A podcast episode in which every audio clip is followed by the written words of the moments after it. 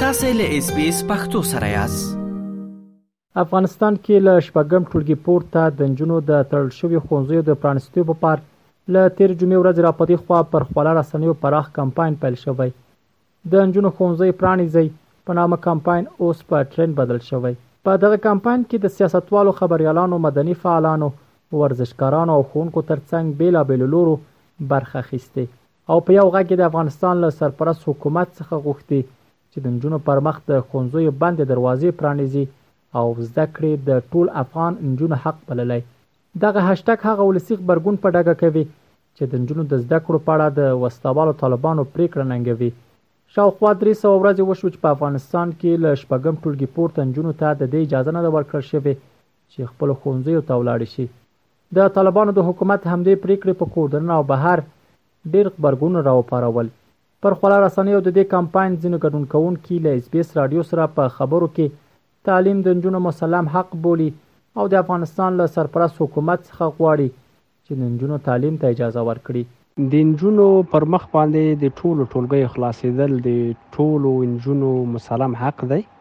له بده مرغه ووایم چې له ډېرې مودې راهیسې د نجونو پر مخ باندې دا ښوونځي وتړل شول سره د دې چې د هېواد په کچه او په نړیواله کچه په بار بار د دې د خلاصون غوښتنه وشوه خو تر اوسه هم لا دا ښوونځي بند دي. په ټولنیزو پاڼو کې یو شمېر فېسبوک کاروونکو، ټویټر کاروونکو او ځینو نورو د ټولنیزو پاڼو کاروونکو دغه یو. هشتک یا کمپاین په لار اچولی ترڅو بیا هم د حکومت پام ځان ته واړوي او ښوونځي د ټولو نجونو پر مخ باندې خلاص شي ترڅو دوی له خپل حقوق څخه برخمن شي زموږ غوښتنه هم دا ده چې باید ژر تر ژره د نجونو مکاتب خلاص کړي چې اوس هم ډیر وخت ضایع شوی دی نور باید موږ دا وخت ضایع نکو او د مسولینو څخه هم دا غوښتنه ده چې ژر تر ژره باید مکاتب خلاص کړي او هغه خپل زده کړو ته ادامه ورکړي. موږ خویندې میندې دوه کاله کیږي چې دوی د مکتب نه شاته پاتې دي حد اقل دوی باید ډیره جدي په دې فکر وکړي چې باید کوشش په دې وکړي او فکر باید په دې وکړي چې زموږ خویندې میندې بیرته باید مکتبونه خلاص کړي تر څو چې موږ د افغانستان ځوانانو خدمت دلته وګرځوي نو کله چې موږ خدمت فکر کوو یا موږ خدمت غواړو چې افغانستان ته ځوانان وکړي نو کله چې تاسو درس تعلیم ناغوي محروم کوي سبا تاسو څه امید لرئ چې خلک به تاسو سره په څنګ کې ودرېږي او خدمت وکړي زموږ هیله زموږ غوښتنه دا ده چې نور دې افغانان، افغان ولس له خواږه خوبه راپورته شي او د اسلامي امارت پر وړاندې دې ودرېږي. په دې دې ودرېږي چې د زده کړو له حق دې تېو غواړي، حق حق اخیستل کېږي، غوښتل کېږي نه. په غوښتلو هېڅ هم لاسته نه راځي، باید حق پسې قدم واخلي. نو افغانان دې هم پورته شي، له اسلامي امارته دې خپل دغه د زده کړو د تعلیم حق دې ترې واخلي، د نجونو پر مخ دې د ښوونځیو دروازې پرانیزي، نور دې افغان ماشومان یا افغان افغانانو له ژوند سره لوبي نه کوي ځکه د تعلیم په برخه کې سیس ډول ډول خنډونه رامنځته کیږي دوی وايي اسلامي طرحه کومه طرحه دغه طرحه خو اوس بشپړه شوې ده. داسې ښکاري چې له شپږم ټولګي پورته د نجونو د ښوونځیو په اړه طالب مشران هم یوه خوله نه دي. د بېلګې په توګه د طالبانو د بهرنیو چارو مرستیال شېرمحمد عباس ستانکزي څرګندونې چې په وروستیو کې یې کړي ویلي، موږ ښځې له پامه نشو غورځولی، ځکه دا د ټولنې مهم قشر دی، باید د افغانستان به بیا ودونولو کې، د افغانستان په سیاست کې او د افغانستان په هره برخه کې فعاله ونډه ولري. خو په کابل کې همدا یوه اونۍ وړاندې د دیني عالمانو غونډه کې د طالبانو مشر ملا هیبت الله اخوندزاده بیا په خپله اوږده وینا کې د نجونو زده کړو او د ښځو د کار په اړه هیڅ ونه ویل، خو سره له دې ټولو موضوعاتو په ټولنیزو رسنیو د نجونو ښوونځیو پرانیزي کمپاین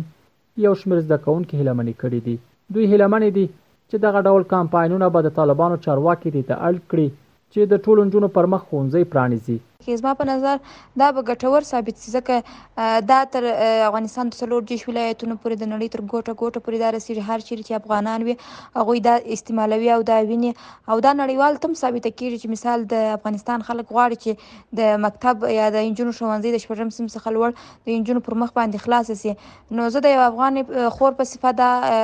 ګټور بولم چې د دې څخه دا هم ثابته کېږي چی افغانان د تعلیمو د درس خلاف نه دی د انجونو د درس خلاف نه دی که هر څنګه دلته اسلامی نظام را منځته سوی یو د ملایانو حکومت اوسی خو دی غواړی چی په افغانستان کی د تعلیم دروازی د انجونو پر مخ خلاصی خلاصی سی او تعلیم ته ولاړی سی پوهنتونونو ته ولاړ سی او په لوړو بسونو بستونو کی کار وکی نو زما په نظر ګټور ثابت شوی دا به ګټور ثابت شي باید موږ دې ته دوام ورکړو تر څو پورې چې دا خبره تر ارکه او د نړۍ تر هغه هیوادونو چې د افغانستان سره مرستندوی دي تعلیم په برخه کې دروغي پر ورسیږي چې هغوی ته دا ثابت شي چې د افغانستان خلک همیشه تعلیم حمایت کوي تعلیم غواړي هغه که د انجونو وي که د الکوانو وي په هر بخش کې دی غواړي وژه په وژه الکوانو او انجونې خپل وطن جوړ کړي خپل وطن ته خدمت وکړي ځینو نورو زده کوونکو نجونو هم چې ښوونځۍ ته د تګ لپاره شېبې شماري، د تازه پیل شوي کمپاین هرکلی کوي، خو له ډاره له رسنیو سره خبرې نه کوي. په داسې حال کې چې شاوخوا یوولس میاشتې کېږي طالبان په افغانستان کې واک ته رسېدلي، خو لا هم د نجونو لپاره تر شپږم ټولګي پورته ښوونځۍ بندې دي. سره له دې چې طالبانو واک ته رسېدو څخه وړاندې او واک ته رسېدو په لومړیو شپږو ورځو کې ژمنه کړې وه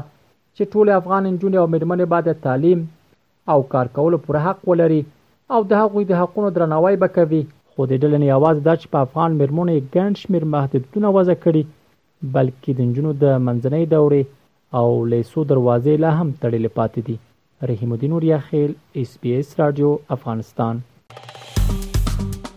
ایس بي ایس پښتو په فېسبوک کې تعقیب کړئ، مطالب یې خوښ کړئ، نظر ورکړئ او له نورو سره یې شریک کړئ.